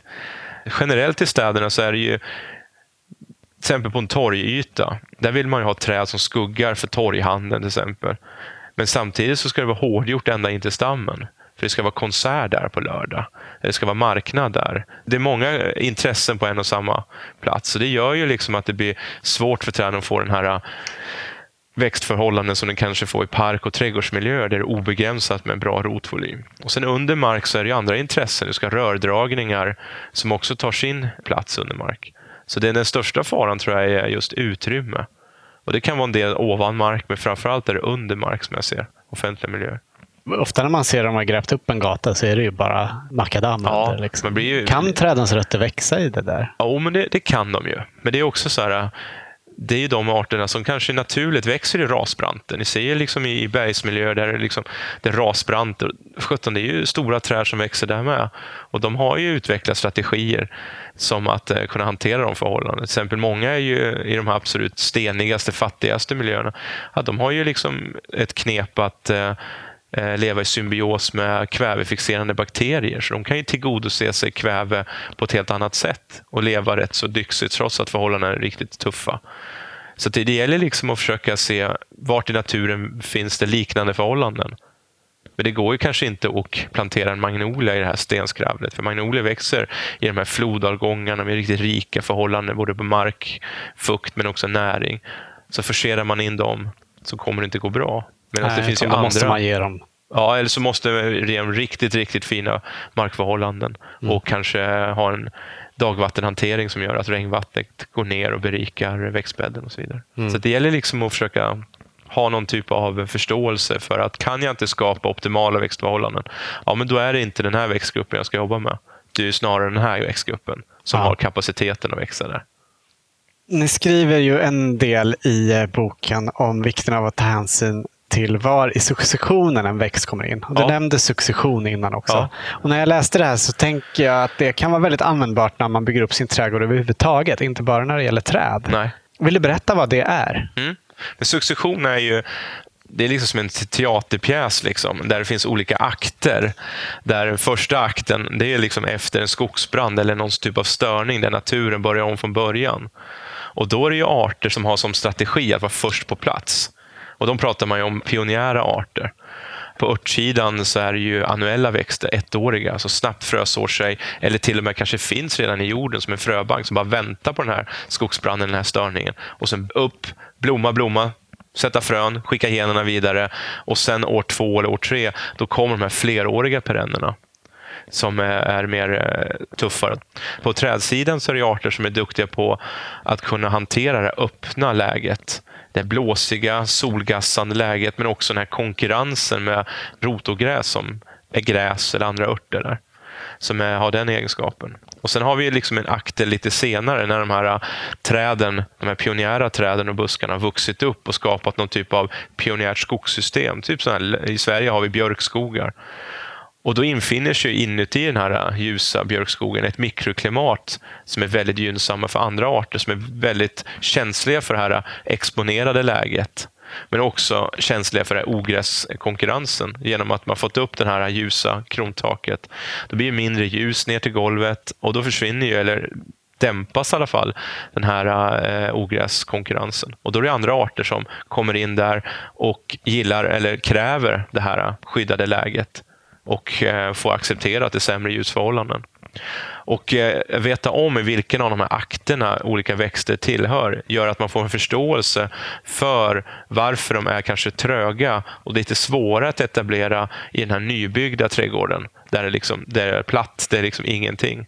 Eller varför andra arter är väldigt snabba på att etablera sig, ta för sig och klara av det här öppna, utsatta läget. Mm. Och Succession är ett begrepp som man kanske inte har tänkt på att inkludera i hortikulturen. Men det har en betydelse för att kunna förstå varför det går lätt eller varför det går trögt. Men också vad jag behöver kompensera. För det är så här, man kan ju ta arter som naturligt etablerar sig i en senare akt och plantera i kanske den första akten. Men då måste jag också känna till vad är det som gör att arten etablerar sig mycket senare eller får sin mest framgångsrika etablering och utveckling senare i successionen. Jo, det är därför att den har höga krav på mark och luftfuktighet. Den har också en känslighet för ogräskonkurrens. Ja, men då kan jag kompensera det i början. Men då, då får jag vara på tå där och riktigt vattna och sköta om den här och rensa ogräs och så vidare. Mm, kanske ge lite vindskydd. Ja, visst. Och I trädgårdssammanhang då har man ju också den kollen och man har den inställningen att men det, det är okej okay att kanske ha den skötselnivån. Men i offentliga sammanhang då kanske det är lättare att försöka analysera platsens successionella läge och sen välja ett material som hör till det läget. För då får man en helt annan utveckling och växterna är vana med att stå här och klara av det här. Men om man vill ha en lättskött trädgård så kan det vara bra att tänka på de här grejerna också. Det kan ju vara det. Dalta så mycket med Ja, liksom. men man kan börja med en bas i början, till exempel som häckar. Första häcken. Liksom. Ja, men då kanske vi kör en lite pionjär som går upp och täcker upp. Och kanske de första träden får gå upp, som är lite av en pionjärträd som går upp snabbt, etablerar sig, skapar det första krontaket. Sen kan jag liksom samtidigt plantera de här lite mer sekundära arterna som kommer ta tid på sig. Men sen är det, tycker jag det är okej okay att möblera i sin trädgård. Att inte vara kanske så sentimental. Att ja, nu har vi hängt nu 20 år. Tack för den tiden. Man tar bort den här snabbväxande lönnen, men bakom så har den här eken börjat fått den här utvecklingen och nått till det stadiet där utan den här lönnens skydd så hade kanske inte eken fått den utvecklingen. Eller den här eh, hemlocksgranen och så vidare som är en sekundär art. Jag har ju haft en eh, kollega som student så brände jag ett sommarlov genom att rensa ogräs i en park i, i England. Och han gillade ju svenska motorsågar. Så han hade en sån inställd design by Husqvarna. Det var hans grej. Så att han planterade kanske 10-15 gånger mer träd än vad som överhuvudtaget får plats i den här stora parken. Men just det här med att han visste inte det är svårt att förutse hur vissa träd interagerar med varandra, hur de trycker på varandra, var de lägger sina kronor. Ibland så kan det uppstå väldigt dråpliga konflikter. Man vet bara du måste bort för att det, det går inte annars. Eller så blir det väldigt fina möten, hur de kan gå in i varandra och skapa miljö. Så han hade att han planterade, hade en idé hur det kunde vara, men han planterade ändå lite tätt och lite huller om buller. Och sen redan efter kanske bara ett par år så såg han vad det var på väg. Och Då kunde han fälla ett träd där, eller såga ner eller stamma upp. Så han fällde väldigt mycket, men också planterade väldigt mycket. Mm. Och det är just det att ju mer du planterar, ju mer valmöjligheter har du. Och ibland är det svårt att förutse hur häftigt det blev med tre magnoler som gick ihop med sina kronor och trasslar in sig lite i varandra eller la sig i olika eh, våningar. Det är svårt att kunna designmässigt tänka att det, var, att det vart så prick. Och just att de fick växa upp tillsammans och, och liksom uppfostra varandra lite. Det är svårt att göra från scratch. Så att jag, ibland så tycker jag att man kan plantera lite mer än vad man kanske har plats för. Och sen lite osentimentalt ta bort eller gallra bort och så vidare. Det är, det är fine. Det gör vi rätt mycket här på Botaniska trädgården. Du nämnde att du har eh, en egen trädgård idag. Ja, två.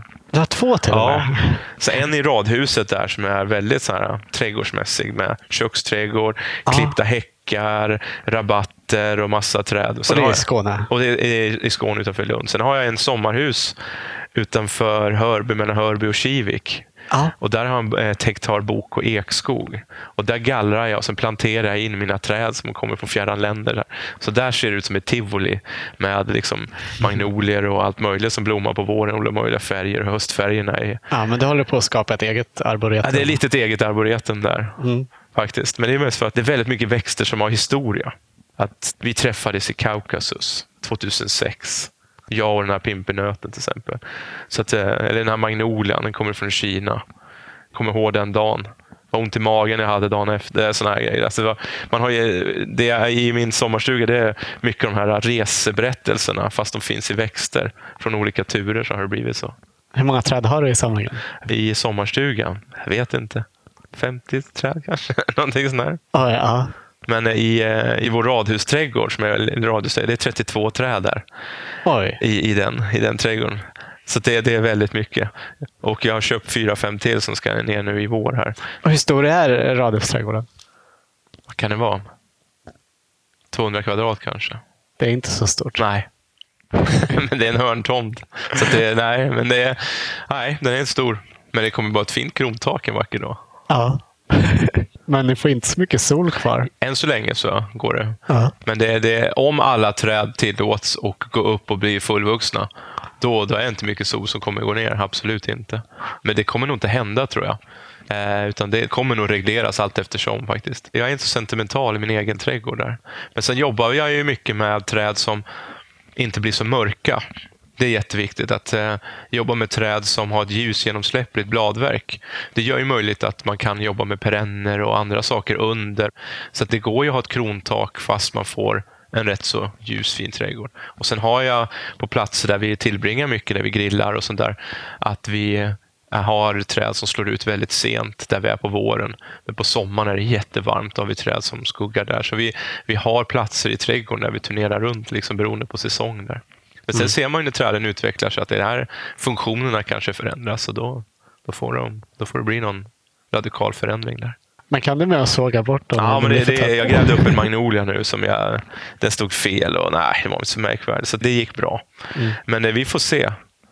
Men de här träden i sommarstugan som är eh, där du säger att du har minnen till allihop. Där kan du väl inte gallra bort Nej, det är svårare. Det är jättemycket svårare där. Jag har en, eh, en benved som har växt sig jättevackert och fint. Men eh, den står fel. Men jag kan inte ta bort den. För att vi, har, vi är tajta. Vi har, vi har umgåtts på många konstiga sätt. Så, här. så att den får vara kvar. Så nu har jag stammat upp den på ett sätt så jag hoppas att den, den får vara kvar ett tag, eller blir accepterad för resten av familjen också. Men det, det är sant faktiskt. Där är det svårare. I, i trädgården i radhuset, där, där, där kan det vara så att det är mer designinriktad. Där Ja. kan grejer att nej, det vart inte snyggt när den gick upp på mötet där eller tajmingen mellan den och den. Nej, ja, då får den ryka. Men då vet jag vad jag ska ha istället där och så vidare. Medan i sommarstugan, där, där är det men där är det lite mer accepterande att det är lite huller om buller. För där är en rörig bok och ekskog som det kom in en massa andra grejer där. Men det ser roligt ut på hösten. Man tittar, man kommer och åker ner för backen så är det 15 nyanser av rosa och rött där nere. Liksom. Och det är ju inte en skånsk bokskog, för den är ju gul. Och Ja. så när det, ser man precis tomtgränsen är rosa-rött, så det är, det är galet. Din fru är landskapsarkitekt och hon är faktiskt också medförfattare till boken Träd urbana landskap. Är ni alltid överens om vad ni ska göra i trädgården? Absolut inte. Så det är vissa delar som eh, rabatter som eh, Johanna fick eh, ansvar för design och jag och andra. Och I början var det mycket mer bråk. Nu är det liksom mer överenskommelsen. Det här är så här, Johanna är rätt duktig på de stora dragen. Ja. eh, formerna och så vidare. För hon, är ju, hon har ju en designbakgrund. Så hon är rätt duktig på de här hur möten mellan rabatter, olika material. Sen kan hon ha liksom idéer på ett växtslag. Här skulle det vara något lågt som möte eller så här. Och, där, och så kan jag komma in med växtvalet och så vidare. Men den här bokskogen i sommarstugan där du planterar Mm. Din egen trädsamling. Ja, det, den köpte jag. Det är liksom ditt, eh, ja, det, din det egen var, lekstuga? Där. Nej, inte, till början var det det. För den, den eh, köpte jag när jag precis hade börjat jobba. När jag insåg att jag blir nog kvar i Skåne så bodde jag i centrala Malmö, men jag kände att jag skulle vilja ha någonting att gräva någonstans. Jag ville ha en bit mark. Och då, då hittade jag den där så, då, då, så jag bodde själv där. Och när jag var ute och reste där så hyrde jag ut min lägenhet. Så jag bodde rätt många år i den här stugan som har allt som man behöver. Det är, liksom, det är inte så torftigt som det låter. Men då började jag där. Men eh, Johanna har ju, hon kom in där och gillade platsen. Jag trodde ingen skulle gilla en liksom en stuga mitt i skogen. Där, för det är så det är. Det är liksom en, en väg en kilometer ett ense så ligger en litet torp mitt i skogen där. Men hon tycker väldigt mycket om det och sen har vi gjort det till vårt också. Så rabatterna har blivit lite fina närmare huset där. Men nu har vi varit ute och rest och bott utomlands många år. Så nu är det dags att börja ta tag i det där snart igen. Att vi börjar gallra bort vissa mer träd så vi får ner mer ljus så vi kan dels få bättre ljusförhållanden för det vi har planterat men också fortsätta lite grann. Där. Mm. Så att, eh, men då är det bokarna som fanns från början ja. som ryker, inte dina planterade Nej, träd? Nej, absolut inte. Men det är en gammal hagemark som har vuxit igen. Så det finns väldigt vackra gamla ekar som börjar få stryk genom att boken har kommit in. och Den är mycket mer konkurrenskraftig genom att den är mer skuggtålig. Så det, eh, det, är faktiskt boken som, eh, som är den som ryker först. Man får ta fram de här vackra ekarna. För ekarna gör också att du får ett mer genomsläppligt krontak och då ökar möjligheterna att eh, plantera där under också. Men sen är det ju, ibland behöver vissa grejer vi plantera mer ljus än så. Så att, eh, Johanna är inte så jättemot när jag färglägger bok för då, då blir det ljusare. Så, här, så att det, jag brukar få några bra poäng där. Mm. Har du några mer exempel på spännande träd från dina egna trädgårdar? Ja, det är, det är, några man skulle vilja, som jag är lite stolt över att vi har och som har gett en sån effekt i trädgården. Eh, dels så har vi ett Kentucky-kaffeträd, Gymnocladus dioica, som är ett oerhört klimatsmart träd. Och jag hade tur att jag var på en plantskola och föreläste. Och så hade han tre, fyra träd av den som han hade bara testat, köpt in. Och så frågade om jag skulle ha något betalt för den här föreläsningen så sa jag att liksom, jag vill ha det där trädet. Så jag hade som tur och fick ett stort Kentucky-kaffeträd mitt i trädgården där vi sitter på och tillbringar rätt mycket tid i trädgården. För det är ett träd som har en sen bladutspring på våren. Vilket gör att vi kan njuta av den här vårsolen och värmen som kommer i maj, början av juni. För då är värmen skön. Men sen vecklar den ut sina blad. Man tror att den är död. Ja, den har dött. För den ser väldigt torr pinne ut. Och sen strax före midsommar, då vecklar de här jättestora. Den är dubbelt parbladig blad. Som gör att man får en väldigt behaglig beskuggning. Precis under den perioden av året när man behöver svalka. Och sen har den här just den här parbladigheten gör att när man tittar genom trädet eh, och med himmel som bakgrund så är det som att titta in i ett kaleidoskop. Den är oerhört liksom, fin, fördelad bladen. Och Det är vissa träd som man ska se på håll, vissa träd ska man se underifrån. Och det här är liksom eh, hängmatteträdet nummer ett. Så det är därför hamnar mitt i trädgården, för det är där man sitter under och tittar på träd. Så det, det är jag väldigt stolt över att vi fick till det och fick ett bra stort träd. För det tar ett tag innan det växer, säkert som ung, innan den tar fart. Sen är det också en väldigt gles vintertid som gör att den släpper igenom mycket solljus också. Och sen ett annat träd. Är den svår att få tag i? Nej, inte så farligt längre. Svår att odla? Uh, nej, men det är liksom ligga på. Den är ju värmegynnad. Så för att lyckas med Sverige, det är bara att ha tålamod. Den tar tid på sig innan den kan försörja sig själv. Så det här gäller liksom att man vattnar och sköter om den kanske tre växtsäsonger i trädgårdssammanhang, kanske fyra, för att riktigt vara säker på att nu, nu klarar den sig själv. Men när den väl har etablerat sig så är det inga problem. Nej. Ett annat träd som jag skulle vilja liksom lyfta fram som har en liksom rolig effekt i vår trädgård, det är en frimanlönn som heter Asi frimani. Som är en hybrid mellan rödlönn och silverlönn. Och det är en sort som heter Autumn Blaze. Och den är selekterad, dels för att den har ett väldigt tight konisk krona som har, liksom, har en väldigt snygg kronuppbyggnad. Men samtidigt så har den vansinniga höstfärger i liksom purpurrött. Och vi har placerat den så att eh, kronan är upphissad så att den ligger liksom precis utanför vårt sovrumsfönster. Mm. Vårt sovrum är helt vitt med vita väggar och vitt tak. Så på hösten när man höstfärgerna bränner på som allra värst, då är hela sovrummet rosa på grund av att färgen liksom oh, läcker wow. in. Så det, det, är ett väldigt vackert träd. Ett lättodlat träd.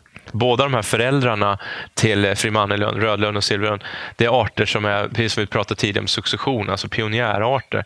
Så de har en inställning att investera i tillväxt, både ovan och under mark. Och Det gör att de är rätt så snabbetablerade. De tar snabbt Det, går snabbt att få ut ett rotsystem och kan försörja sig själv. Den har en årstillväxt som ja, runt en, en och en halv meter per år. Så det, man får ett snabbt träd på, på kort tid. Och sen får man de här fina, fantastiska höstfärgerna. Helt mm. vansinniga. Häftigt. Ja. Om vi drömmer oss iväg lite framåt i tiden. Hur ser din vision ut när det gäller träd i våra städer? Ja, för mig är det en ökad acceptans och en förståelse kring träd. Av vilken nytta de gör. Så det inte blir så att i offentliga sammanhang att nu, nu har vi planterat den hela den här äh, nya stadsdelen. Eller, så nu kan ni ta de här ytorna och strössla lite, lite grönt. Så att det blir lite fint också. Att man har liksom klappat lite så på huvudet att ja, och sen är det en grön stad. Och alla de här nya stadsdelsprojekten man hör om, det ska vara den gröna levande staden och så vidare.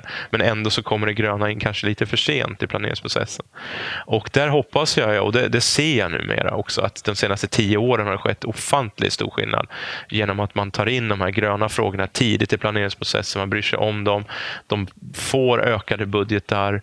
Så det, det går åt rätt håll. Men mm. min framtidsspaning är att vi når fram också. Att vi inte bara ser att det blir bättre, utan vi når ända fram att träden och trädplanteringen kommer in tidigt i planeringsprocessen. För när man sitter och planerar en hållbar stadsdel, ja, men då tillåter man sig att tänka vilka toalettstolar man ska använda tidigt i planeringsprocessen, vilka spisar, kylskåp, vilka fasadmaterial och så vidare för att nå de här klimatmålen. Och Samtidigt när vi pratar om de materialen så ska vi prata om de gröna materialen utanför. Så ska det vara. Det ska, ja, det vara, det ska inte vara någon tvekan. och så nästa fråga, växterna då. Det ska vara så pass att det, det, är med i, i den här planeringsprocessen för att nå alla de här hållbarhetsmålen och så vidare. Och dit är vi på väg, men jag vill att vi når fram dit så att vi kan bli eh, lika seriöst taget som allt annat i, i byggprocessen.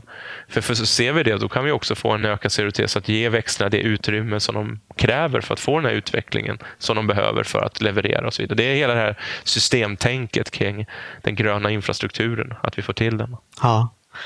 Har du några exempel på eh, platser i Sverige eller världen där det har blivit riktigt lyckat med träd i stadsmiljö? Ja, men det har det. I, I, Sverige så är det framförallt de storstadsregionerna som är väldigt duktiga. Och Det är inte för, bara för att det finns eh, duktiga människor, för det finns det även i små kommuner. Men de har en budget som gör att de har kunnat experimentera och bygga upp lite kunskap kring eh, träd och trädplantering. Och där man har fått in träden i ett sammanhang. Till exempel när man jobbar med dagvattenhantering. Ja, men då får man ju liksom eh, in trädplanteringar i det, vilket gör att man leder ner dagvatten, alltså regnvatten, till trädplanteringarna gör att träden mår ju så mycket bättre. Och Det gör vi också att vi kan skapa odlingsförhållanden som är mycket bättre än vad kanske den representerar. Och Då kan vi börja jobba med växtmaterial som normalt inte borde kunna få en framgångsrik utveckling där, men som får det tack ah, vare så det urvalet blir större? Exakt. Katalogen av eh, lämpliga arter blir betydligt bredare. Så det är sådana här liksom att man har systemtänk, att man, man löser ett problem men samtidigt så får man flera win-win-effekter på det. Och det är, det är Stockholm väldigt, väldigt duktiga att de har som standard numera att de kör regnvatten eller dagvatten ner i sina växtbäddar i hårdgjorda miljöer. Men sen är det viktigt att tänka på i Göteborg har vi den här betonglera eller den här enorma styva leran som hela Göteborg vilar på lokalt. Och där får vi tänka på ett annat sätt. Där. Men det är just det här tänket att få in träden i ett sammanhang. Och där är storstadsregionen eh, väldigt duktiga på det och tagit ledningen. Och Det är bra, för då kan de också ge självförtroende men också guidning till mindre kommuner som slipper göra alla misstag kanske de stora gjorde innan de lärde sig hur de ska göra. Och runt i världen så finns det ju väldigt bra exempel.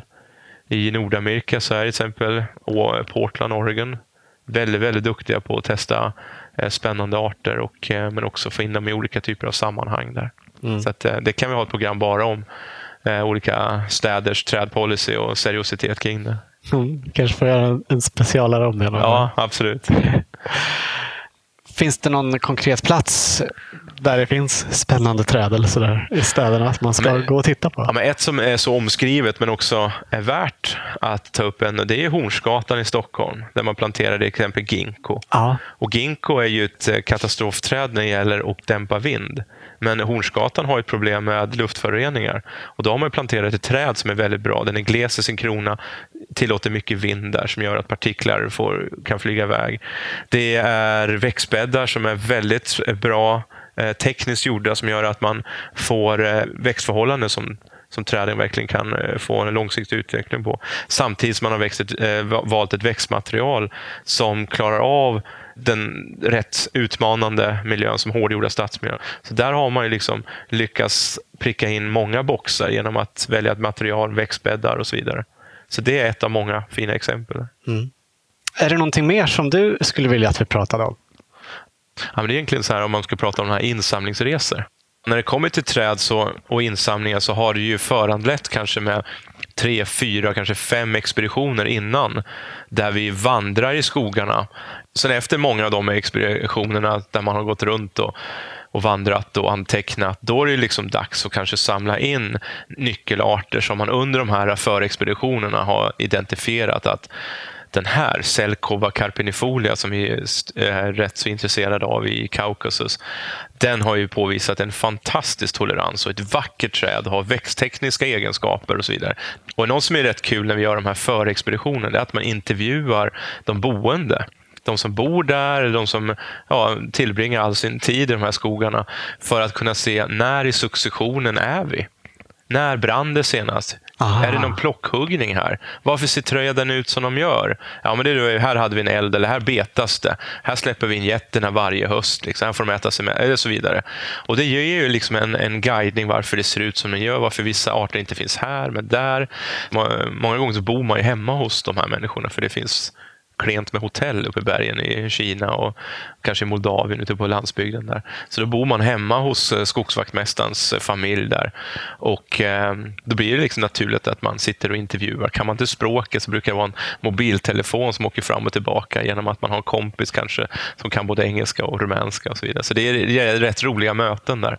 Men sen när det är dags för insamling, då har, som sagt, då har man identifierat specifika arter och då går man rakt på dem och samlar kanske flera olika provenienser av den arten som man sen kan sätta ut här i dels i arboretet i, i Botaniska trädgården eller på försöksfältet på Alnarp. Mm, för att vara säker på att få med sig Ja, men också få, få se variationen inom arten. Mm, spännande. Mm, just de här förexpeditionerna är väldigt roliga, för man vet inte liksom vart man är på väg. När de här insamlingarna, då är man oftast då är det roliga över. Då ska jobbet göras och fröna ska hem. Mm. Och Då mm. kan det vara ett jäkligt tråkigt år att det var dålig frösättning. Då får man göra om det året därpå. Men eh, den här förstudierna är jätte, jätteroliga. När det växer fram en övertygelse om jösses, vi trodde ju på den här arten, men nu det är de här arterna som är de är mest intressanta. De visste jag inte ens fanns. Eller jag känner ju till dem med namn, men jösses vilken potential de här har. Ha. Så det är nästan det roligaste i hela jobbet där. Ja, men vad trevligt att folk låter er komma och bo hemma, hemma hos dem. Ja. Hur hittar ni alla de här människorna? Nej, men det är, för, oftast är det nyckelpersoner. Vi börjar ju kontakta Botaniska trädgårdar eller universitet som man först bygger upp en relation med. Och de har ju oftast erfarenhet att åka upp i bergen och, och eh, bo eh, hos olika människor. Eller passa, eh, man har ju ett kontaktnät och som man förhoppningsvis kan få ta del av. Så det är ofta så att man bygger upp ett nätverk med tiden där. Ha. Så säkert när jag, när jag doktorerade, då var det ju nyckelfamiljer som man varit väldigt goda vänner med. I Rumänien så bodde jag hemma hos ett, en familj med tre pojkar. Jag fick bo inne hos pojkarna. De bodde i ett rum alla tre pojkarna. Och Mamma tyckte det var jättebra att jag bodde hos dem. För då kunde barnen få träna sin engelska. Så när jag kom hem på kvällarna så var det jag som ansvarade för engelska läxan. Så då satt vi och gick igenom engelska läxan och vi spelade lite dataspel och så vi pratade på engelska. Och Det tyckte de var jättebra, för föräldrarna kunde ingen engelska Nej. alls. Så varje gång man är där så har man väskan full med godis och åker förbi där och hälsar på där. Så att man, man, har lite, man har fått vänner som man inte trodde man skulle få på, på det här sättet. Där. Ja, roligt. Men sen kan det ju bli åt andra hållet. Jag bodde hemma hos en familj han söp rätt hårt. Och eh, Och då mitt i natten, så här kvällen, skymning där, på fyllan där, då skulle han in i traktorn där och skulle vis, tvinga mig att åka den traktorn. Genom skogen på såna små skogsvägar och vinglade runt där. Och sen solen gick ner och bara mörkare och mörkare. En liten lampa där. Ja, sen kom vi ut mitt ute i ingenstans då, och han började gaffla om allt möjligt. Så fick jag ringa min, eh, min kompis där i Rumänien liksom, och fråga vad han ville. Så här. Ja, ja, han ville ju sälja en bit land.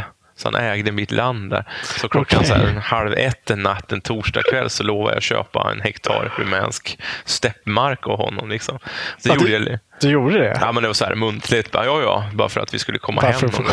Och han kan ju inte bo hos längre, liksom, för att då ska han ha pengar för den. Det var sån här, Ja, man får hitta något annat sätt att bo där. Då. För den skogen vill jag fortsätta jobba med. Så då fick jag bo någonstans, fick jag komma från skogen från ett annat håll. Och så fort jag hörde hans traktor, då det liksom gömma sig. eh, vi brukar avsluta våra intervjuer med att eh, be våra medverkande om deras bästa odlingstips. Ja. Vilket är ditt? Mitt är nog eh, alltså organiskt material. Jordförbättra sina rabatter kontinuerligt, alltså härma naturen. I naturen så är det många som växer i miljöer där de jordförbättras med 2-3 decimeter lövkompost varje år. Att man liksom, det bara ramlar ner så förmultnas det. Så du får en naturlig jordförbättring. Och härma det i, i sina planteringar. Att varje år liksom lägga på lite kompostjord. Varje vårvinter när man känner att fasiken var långt där till våren. Då är det rätt läge liksom i mars där när det fortfarande ingenting växer. Att lägga på kanske en 7 cm kompostjord över alla sina rabatter. Och det märker man efter, har man gjort det en 5-6 år, vilken jäkla jord man har. Vilka fantastiskt. Man kan behöva inga använda redskap. Man kan liksom gräva med handen och plantera. Men just det här att jordförbättra förbättra och härma naturen på det sättet. För då, då skapar man en grund för allt nästan. För träd, buskar, perenner, örter, lökar. Så det är där det hänger. Liksom. Sköter om din jord, vårdar din jord. Så det, det är mitt tips. Bra tips. Mm. Tack så jättemycket för att eh, du ville vara med. Tack för det här samtalet. Kul!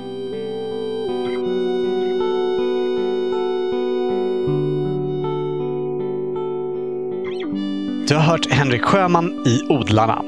Även om boken Träd i urbana landskap med tillhörande stadsträdslexikon framför allt riktar sig till studenter och yrkesverksamma och kan verka rätt mastig, så tycker åtminstone vi att det är otroligt inspirerande även som fritidsodlare att ta del av denna enorma kunskap. Inom kort kommer också ett litet bonusklipp med Henrik Sjöman här i vårt flöde med tips om vad du ska tänka på när du planterar träd i din egen trädgård. Stort tack för att du lyssnat och tack än en gång till våra sponsorer Yard ETC Grön IT-konsult och Villab Garden som möjliggör den här podden. Odlarna görs av Anna Rökeus och mig som heter Olof Söderén. Ha det fint! Hej då!